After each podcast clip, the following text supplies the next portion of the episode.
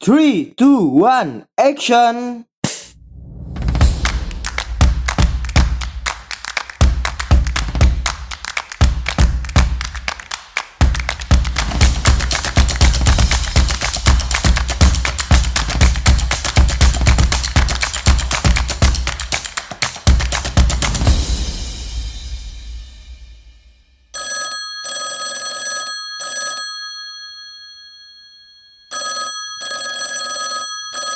Halo, selamat datang kembali di Pod by MA, tentunya di program Anak Komunikasi.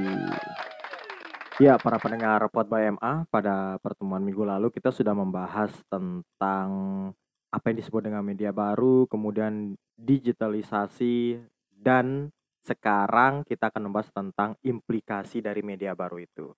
Nah, pada pertemuan yang lalu kita membahas tentang digitalisasi, ya dengan media baru itu kita spesifikkan dengan penggunaan podcast atau yang saat ini teman-teman mungkin juga sedang mendengarkan. Nah, kalau kita mereview ulang pada pertemuan minggu lalu, yang pertama adalah ada banyak sekali pertanyaan ya tentang penggunaan uh, podcast dibandingkan dengan media audio konvensional atau radio.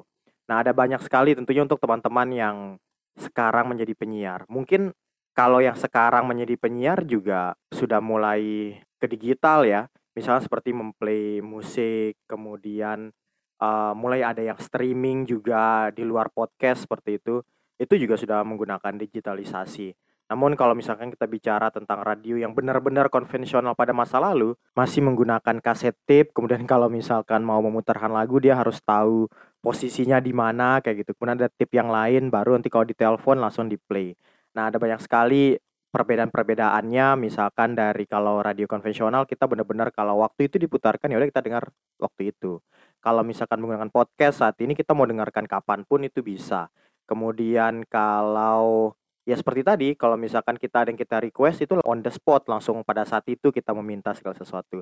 Tapi kalau misalkan podcast kita juga bisa merequest juga misalkan minggu depan kira-kira mau ada program seperti apa. Jadi itu salah satu perbedaan dan apa ya, salah satu keunikan, kebaruan dari media baru dibandingkan media konvensional. Nah, pada minggu ini kita masih membahas tentang media baru tentunya, tapi kita tidak spesifik ke media mana pun. Jadi semuanya, misalkan kalau sekarang kita lihat televisi, lihat film kayak gitu ya, yang nonton di bioskop, nonton di televisi, uh, tayangan-tayangan, kita sekarang sudah bisa nonton di YouTube. Ada banyak sekali sebenarnya sekarang perubahan-perubahan yang membuat kita bisa lebih mudah seperti itu. Tetapi ada juga kritikan-kritikan ya, misalkan pada saat kita mau nonton kapan pun, kita mau membeli kapan pun tayangan-tayangan tersebut. Sehingga sudah tidak ada lagi rasa tunggu lah gitu ya. Jadi rasa kira-kira, wah apa tayangan besoknya itu sudah mulai hilang masa kini. Dulu waktu saya masih SD gitu ya, tahun 98, 99 lah sudah mengerti apa-apa. Menonton hari Minggu film kartun itu sesuatu yang sangat ditunggu karena kalau tidak salah itu 30 menit sampai satu jam film kartun. Dan kalau itu bersambung, kita serasa kayak satu minggu itu menunggu tayangan-tayangan yang akan datang. Mungkin teman-teman ada yang pernah merasakan seperti pengalaman saya.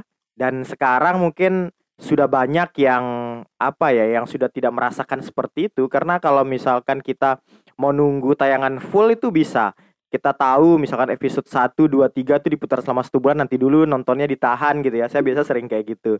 Jadi ditahannya itu kurang lebih 3-4 bulan. Setelah itu baru dinonton dari 1 sampai ke 6 ke 7 jadi sudah tidak ada lagi sebenarnya rasa keingintahuan gitu. Sehingga sebenarnya banyak kritikan-kritikan itu menjadi sesuatu yang tidak indah lagi lah.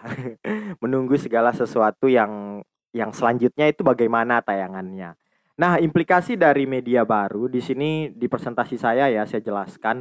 Yang pertama itu teks media adalah dematerialized atau terpisah dari bentuk fisiknya. Nah, sebelum kita bahas lebih detail, perlu kita pahami dulu dalam bahasa komunikasi jika bicara teks ya. Kalau bicara teks itu bukan hanya berbicara tentang tulisan. Jadi bukan kayak tulisan koran atau tulisan buku, teks-teks itu bukan seperti itu. Tapi yang disebut teks itu adalah sesuatu tayangan, sesuatu acara, sesuatu konten yang bisa didengarkan, disaksikan dan dirasakan. Itulah teks. Misalnya seperti saya sekarang berbicara, teksnya itu ya ya omongan saya ini. Kalau kita nonton ya gambar gerak kontennya itu adalah teksnya. Nah, jadi itu sebelum kita masuk ke pembahasan lebih jauh ya.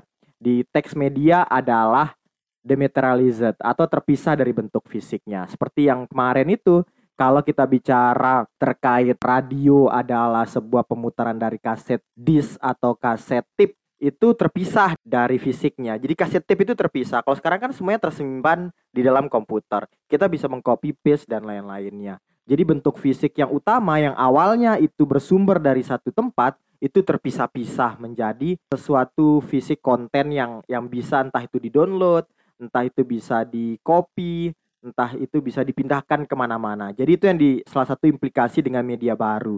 Segala sesuatu itu bisa di copy paste, terpisah dari hal yang melengket dari yang sebenarnya seperti itu.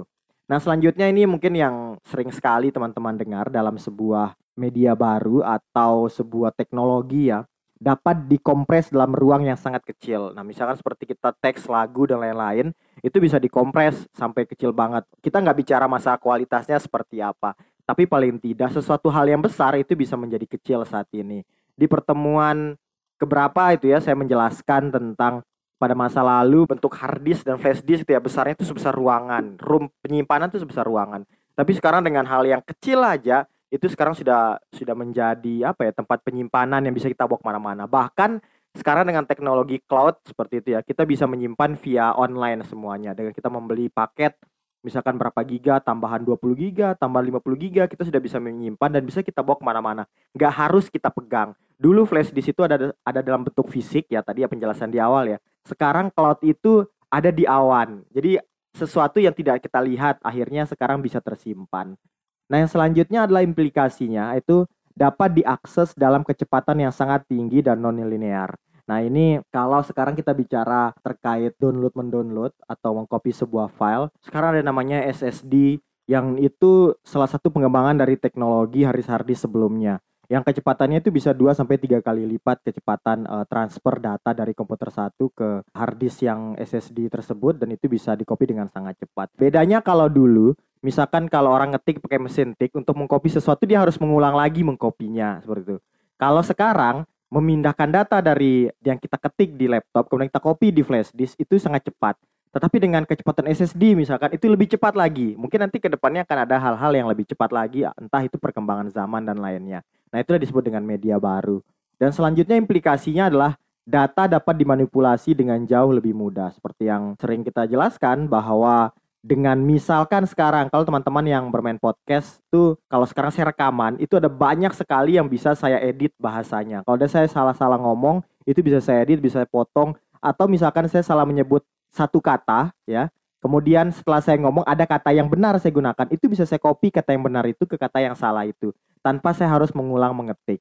Sehingga itu sangat mudah untuk dimanipulasi segala sesuatu. Apakah itu mempermudah? Ya mempermudah. Tetapi dengan adanya media baru maka segala sesuatu juga lebih mudah untuk dimanipulasi. Sekarang kita sering mendengar ya kata-kata hoax gitu.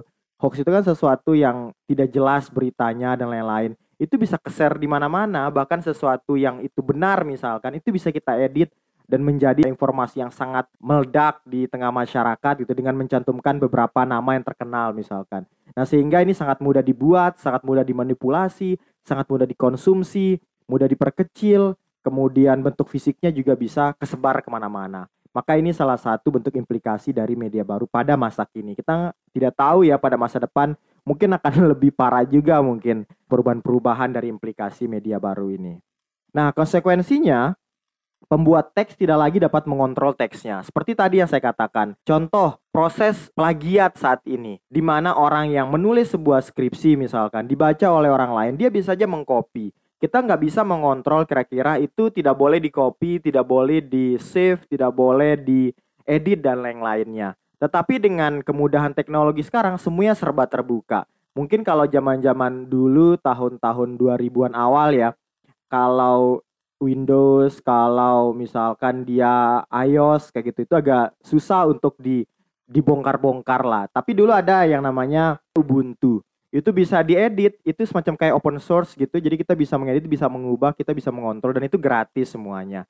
Nah, maka dengan perkembangan zaman saat ini segala sesuatu itu bisa di rubah bisa dimodifikasi Bahkan kalau kita berbicara misalkan sekarang tentang Windows, banyak virus, uh, mungkin teman-teman sudah tahu sebenarnya apa tujuan buat virus dan kenapa harus ada virus kayak gitu. Salah satunya karena sistemnya bisa dibuka. Kemudian salah satu pembuatan virus itu tujuannya adalah ya untuk membuat antivirusnya juga di dalam komputer. Sehingga ketika itu disebar di tengah masyarakat, mereka juga sebenarnya menciptakan juga antivirusnya untuk dibeli ya. Semuanya itu juga berhubungan dengan ekonomi seperti itu.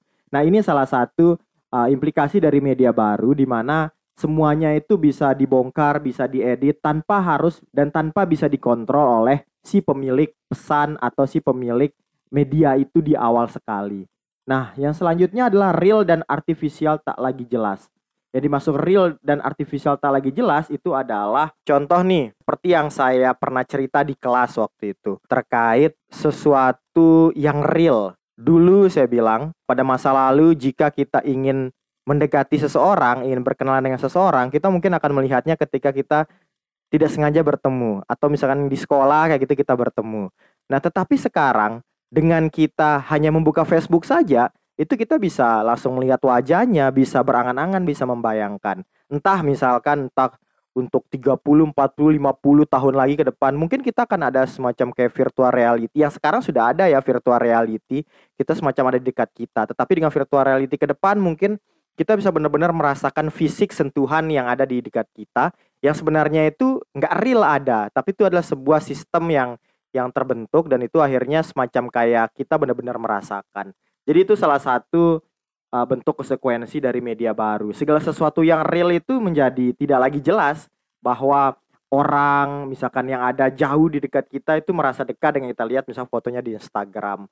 Itu saat ini kita nggak tahu ke depannya. Tiba-tiba mungkin Instagram masalah depan itu adalah kita sudah benar-benar orang kelihatan sekali wajahnya atau mungkin bisa langsung disentuh seperti itu. Mungkin itu peran perkembangan ke depannya. Nah, itu salah satu konsekuensi dari media baru.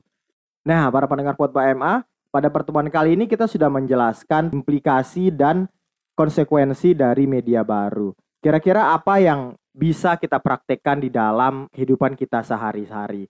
Nah, dalam pembahasan ini kita akan diskusikan nanti di kelas kira-kira apa dan bagaimana interaksi kemudian konsekuensi dari media baru itu kita praktekkan. Oke, semuanya demikian dapat saya sampaikan. Kita ketemu lagi di pertemuan selanjutnya tentunya di program Anak Komunikasi di Pod by MA. Yuk.